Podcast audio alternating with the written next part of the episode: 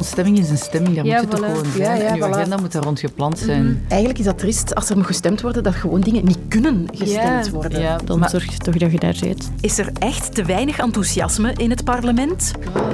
Dus dat is een schilfer van het atomium. Ja. Dat is de buitenwand hè, van zo'n bol. Ja, ja, ja. Dit heeft Expo 58 gezien. 10 miljoen bezoekers voor het Atomium. Waarom is zo'n bizar monument zo geliefd? Prachtige goal van Leska Porter. Nederland-Duitsland samen bij ons. Dat is één keer dat Ah, we ja, Ah, ja, ja, ja, oké. ja. Maken we een kans daarmee? Maak een kans, wat zou de impact kunnen zijn? Hè? Ja. En wat als het WK vrouwenvoetbal in ons land plaats zou vinden? Ik ben Katrien Boon en ik geef de aftrap voor een nieuw kwartier vol nieuwsverhalen. Welkom. En ik begin met een man die zich vanmorgen eens goed kwaad gemaakt heeft. Stefan van Hekken, Kamerlid voor Groen. Twee van zijn wetsvoorstellen zijn niet gestemd geraakt omdat er te weinig parlementsleden aanwezig waren. En dat was blijkbaar niet de eerste keer. Desnoods, als mensen te vaak afwezig zijn, ja, laat gewoon eh, hun mandaat ver- vervallen verklaard worden. Dan moeten ze maar een andere job zoeken. Is dat een goed idee? Of is er wel nog genoeg enthousiasme in de wedstraat? Dat ga ik vragen aan iemand die de wandelgangen van het parlement kent. We gaan live naar Bart Verhulst in de wedstraat. Voor de laatste stand van zaken gaan we zo meteen live naar Bart Verhulst in de Kamer. Mijn wekelijkse afspraak is donderdagmiddag in het federaal parlement in de Kamer. En af en toe moet ik ook wel eens naar een commissie. En dan gebeurt het soms wel eens, vaak eigenlijk in commissie, meer dan in de plenaire vergadering, dat de vergadering niet kan doorgaan omdat er niet genoeg parlementsleden aanwezig zijn. Dus dat gebeurt wel eens. Te weinig parlementsleden, dat wil zeggen geen geldige stemming. Hoe zitten die regels dan in elkaar? De regel is zo dat om eh, een vergadering of een stemming wettig te kunnen laten doorgaan, dat eh, de vergadering in aantal moet zijn. Er moet een quorum eh, zijn. Voor commissievergaderingen zijn dat negen parlementsleden en voor de plenaire vergadering zijn dat 76 parlementsleden. Dus de helft plus één. Dames en heren, de vergadering is geopend. En er wordt verwacht dat het de meerderheid is, dus de regeringsmeerderheid, die dat aantal levert. hè. Want je zou kunnen zeggen, we nemen een stukje van de meerderheid en een stukje van de oppositie en samen kom je aan het getal dat nodig is. Nee, de afspraak is dat het de meerderheid is die ervoor zorgt dat er genoeg parlementsleden aanwezig zijn. En daar ging het gisteren dus mis. Maar met een ongeschreven regel die geldt in het parlement, hadden ze dat eigenlijk kunnen oplossen. Die meerderheid is niet gehaald. Er waren 69 parlementsleden van de meerderheid en ze moeten eigenlijk met 76 zijn. Nu, normaal valt daar wel een mouw aan te passen, want er is ook zo'n eh, soort van afspraak en dat heet perage. En dat betekent als eh, bepaalde leden, parlementsleden, gewettigd afwezig zijn omdat ze ziek zijn, bijvoorbeeld een doktersbriefje hebben of omdat ze op buitenlandse missie zijn, dan is er een afspraak dat bijvoorbeeld bij een eh, stemming dat als een bepaald lid van de meerderheid er niet is, dat een lid van de oppositie zich onthoudt, zodanig dat de aantallen weer wat meer in evenwicht eh, getrokken worden. Nu, de laatste weken heeft oppositiepartij N-VA die afspraak on hold gezet, wil daar niet meer aan meewerken, omdat zij daar iets voor terug verwachten. Dat is het volgende. Als oppositiepartijen een advies willen vragen van de Raad van State, dan moeten ze daar met 50 parlementsleden voor zijn. Maar het gebeurt natuurlijk ook bij de oppositie dat er gewettigde afwezigheden zijn. En dan wordt er van de meerderheid uit verwacht dat zij dan die geste doen. Maar sommige meerderheidspartijen willen dat niet meer doen voor de N-VA.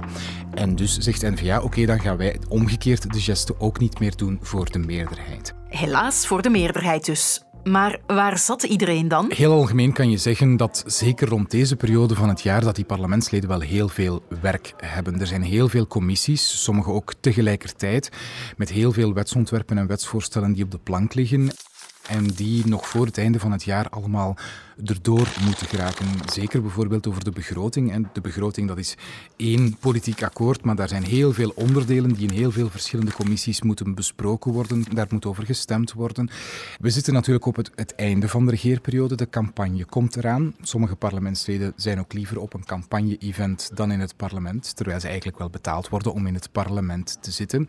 En ik hoor ook bij de uh, oppositie dat er wat politieke moeheid is bij de meerderheidspartijen omdat de regeerperiode stilaan ten einde is en sommige partijen ja, een beetje gedesillusioneerd zijn over oké, we hebben nu meegedaan aan deze regering en het is maar dit geworden en die eigenlijk het allemaal een beetje laten hangen. Maar goed, dat is niet waar parlementsleden voor betaald worden natuurlijk. Hier en daar zijn er dus wel verzachtende omstandigheden denkbaar. Moeten we onze verontwaardiging dan wat temperen? Ik denk dat we als kiezers recht hebben op parlementsleden die goed en hard werken. Ze worden daar ook veel voor betaald, ehm, wat terecht is. En de meeste parlementsleden werken ook goed en hard. En dat is iets wat je niet altijd te zien krijgt. Als je de beelden ziet van het halfrond, dan zie je vaak heel veel lege banken. Maar besef, er wordt ook in de commissies bijvoorbeeld achter de schermen vaak heel hard gewerkt door heel veel parlementsleden. Maar zoals je op school ook altijd, altijd een aantal broekvegers hebt, zal je ook in het parlement ook wel een aantal broekvegers hebben. Zolang dat dat geen grote gevolgen heeft waar de burger die kiest en die belasting betaalt grote gevolgen van draagt, denk ik, oké, er kan altijd wel eens een ongelukje gebeuren en dan moeten we misschien wat mild zijn. Als dit natuurlijk uit de hand loopt en je verkiest 150 parlementsleden en ze vegen er massaal hun voeten aan, dat is een ander verhaal. Maar gewoon, Tine, hebben jullie even tijd? Ja. We gaan op uitstap. Kom. Die lift daar pakken. Ik hoop dat ik vind wat ik zoek. Ja, komt hier. Oei. Meneer moet er nog bij. Uh, wij gaan naar één. Duwt er iemand op één? Ja. Ik op één. Het moet hier ergens zijn. Ik denk naar rechts. Of nee, Jan denkt naar links. Dat hier. Oh my god. Weten jullie wat dit is? Nee. Het is geen abstract kunstwerk. Het is maar... geen kunstwerk. Het is... Kijk eens hier. Een onderdeel van het atomium. Oh joh. Ja. Wat? ik had al eens gezien van in de verte, maar ik wist niet dat dat dat was. Ja, kijk, voilà. Het atomium. Ja, we hebben hier op de VRT dus een stukje liggen van die oude bekleding. Maar het volledige monument dat staat natuurlijk te blinken op de Heizel. Sinds de wereldtentoonstelling van 1958, toen Boudewijn nog koning was. Een blik op de tentoonstelling, beheerst door het atomium, symbool van de nieuwe wetenschap, volstaat. Het kreeg een grondige make-over in de jaren 2000, toen het van ellende bijna in elkaar zakte. De duiven die hadden goede stekken van in het atomium in, in, de, in de winter lekker warm. En uh, we moeten wel zeggen dat het een duivenkot was. En tot op vandaag wordt het bestormd door hordes toeristen. Bonjour. On va vous prendre deux places étudiantes, s'il vous plaît. Vanmorgen kreeg het atomium zelfs een 10 miljoenste bezoeker over de vloer. En dat is niet slecht voor een bizar monument dat eigenlijk bedoeld was om maar zes maanden te blijven staan. Ik kon erover bellen met Joris Sleebus. Hij was 45 jaar lang gids in Brussel en hij kent het atomium van heel dichtbij, letterlijk. Ja, dat klopt. Uh, vanuit een living hebben we net zicht op de bovenste vier bollen. En s'nachts is dat wel tof. Kan hij verklaren waarin de aantrekkingskracht zit van die negen bollen? Ik ben zelf al jaren een enthousiasteling voor uh, functionele architectuur. En als er nu één ding over het atomium kan gezegd worden, dat is dat die totaal niet functioneel is. En het eigenaardige is dat dat dan toch zo'n kracht uitstraalt en een betekenis, vooral voor toeristen uit het buitenland. De Eiffeltoren in Parijs leidt bij wijze van spreken aan hetzelfde euvel, namelijk dat is een totaal niet functioneel ding, maar het groeide uit tot een symbool. Het moest ook maar zes maanden blijven staan, zoals het atomium, en toch staat het er nog altijd. Maar ik moet eerlijk zijn, zelf zie ik dat atomium bijna niet meer staan. Ik zie het elke week wel eens vanuit de trein of uit de auto. En ik sta er amper nog bij stil hoe speciaal dat eigenlijk is, terwijl buitenlandse reisvloggers en influencers wel enthousiast blijven. This is the Atomium, Belgium's most famous landmark. You could go up, climb up the stairways. Yeah, so it's a museum. I'm sort of in awe the size of this. I did not expect that that it was going to be this large. We're headed up to this thing. What is it? I don't know. We're going to go find out. I'm so curious to see the inside of this. You know, it's really impressive to go up the Eiffel Tower. Maybe this one will be equally impressive. Dat snap ik niet. Dat moet ik eigenlijk ook niet snappen. Maar ik vind het wel een merkwaardig gegeven dat u doet nadenken over wat uitstraling, hoe gek het ook is, van een gebouw kan zijn. En dus waardering geeft bij mensen. Het zijn vooral buitenlandse bezoekers die naar het atomium komen. Je krijgt daar dus de meest onmogelijke talen bij de receptie en veel minder Brusselaars en Belgen. Maar daar til ik eigenlijk ook niet aan hoeveel Brusselaars zouden er naar Malakabis of naar het restaurant of café Le Métropole gaan. Is een beetje vergelijkbaar, hè?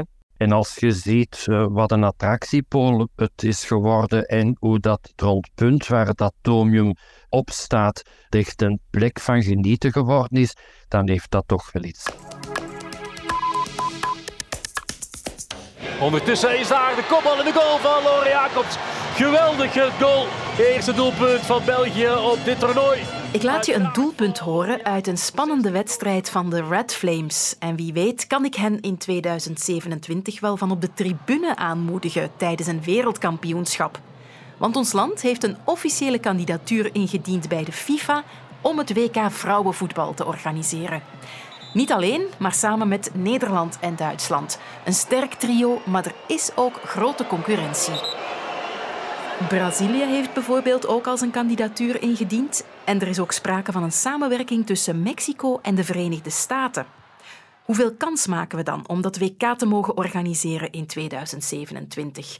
Ik heb een inschatting gevraagd aan Katrien Jans, manager bij de Red Flames. We weten zeker dat Brazilië en, en wij zelf al een, een bidboek hebben ingediend. En laat ons zien, hè, als het wij twee zijn, ja, dan, dan denk ik dat het 50-50 is. Want elke kandidatuur denk ik, heeft zijn sterktes en zijn zwaktes. En als we met drie zijn, denk ik dat het een gelijke stand is met drie, gedeeld door, uh, ja, dat 100% gedeeld door drie is. Dus dat iedereen ongeveer een 30, 30% kans heeft. Waarom? Omdat ja, elk land heeft zijn, zijn sterktes en zwaktes. En ja, dan zal het een evenwichtige oefening zijn, denk ik. En, en um, in 17 mei mogen alle landen één stem uitbrengen. En dan moeten wij gewoon zien dat we, ja, dat we het meeste stemmen krijgen. Onze belangrijkste troef samen met, met de twee andere landen. Um, dus we hebben er enerzijds echt voor gekozen om, om zeer compact te zijn. Dus um, de grootste afstand tussen de stadions uh, zal, een, zal maximum 300 kilometer bedragen. Dus dat wil ook zeggen dat zowel voor de fans als voor de teams, als, als voor de mensen die werken op een toernooi, ja, de bedoeling is echt dat de mensen invliegen en eens dat toernooi gedaan is, terug uitvliegen. Maar dat er eigenlijk, eens dat jullie hier zijn, dat ze echt gewoon ja, gemakkelijk van punt A naar punt B kunnen. Uiteraard, anderzijds is dat ook op ecologisch vlak en budgetair vlak ook iets heel goed, omdat er gewoon minder kosten zijn en minder vliegtuigen et cetera moet genomen worden, wat dat ook onze EK toch iets groener maakt dan eventuele andere concurrenten. Daarnaast geloven we ook in dat we een, een commercieel interessant bied kunnen zijn met de tv-rechten en, en de markt dat hier in Europa wel, ja, wel vrij, vrij goed is en die toch redelijk wat al investeren in uh, vrouwenvoetbal en vrouwensport. Maar ook de concurrentie heeft veel troeven, denkt Katrien. Ik denk, ja, enerzijds als we naar Brazilië kijken, ja, is een, een voetballand. Hè. Het, het, voetbal leeft daar. Ik denk dat dat enerzijds is. En anderzijds hebben zij ook als troof dat er is nog nooit een vrouwen-WK georganiseerd. Dus ik denk dat dat wel twee troeven zijn die zij hebben. En waarschijnlijk ook de kaart die zij zullen trekken. Uh, en dan heb je de US uh, en, Mexico. Ja, zij organiseren een mannen-WK het jaar ervoor. Commercieel misschien uh, Amerika met, met heel grote ja, sponsors en, en merken. Dat, dat dat misschien wel, wel een troef van hen kan zijn. Um, maar ja, laat ons zien wat er deze avond uit de bus komt om te starten. En dan uiteraard uh, 17 mei als ja, die day waar dat we zullen uiteindelijk weten wie de organisatie zal binnenhalen.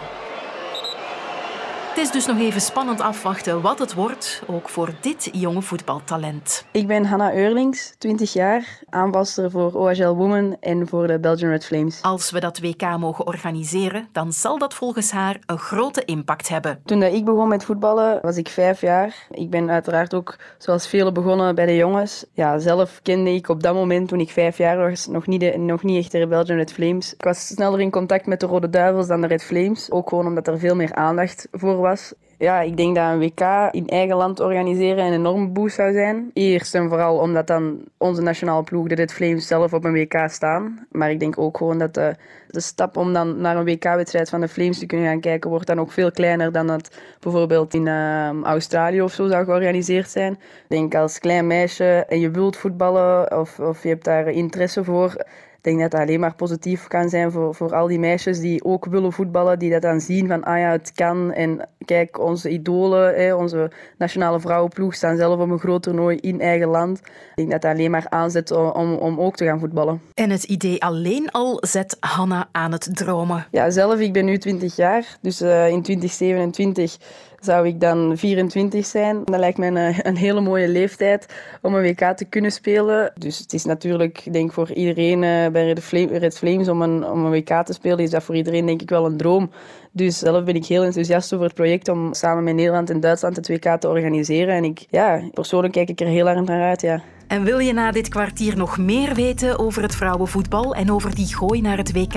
Dan kan je vandaag ook bij deze vrienden van ons terecht. In de podcast Sportsa Daily behandel ik, Jonathan Mettenpenningen, dagelijks een prangende sportvraag. Luister elke werkdag om 16 uur in de app van VRT Max.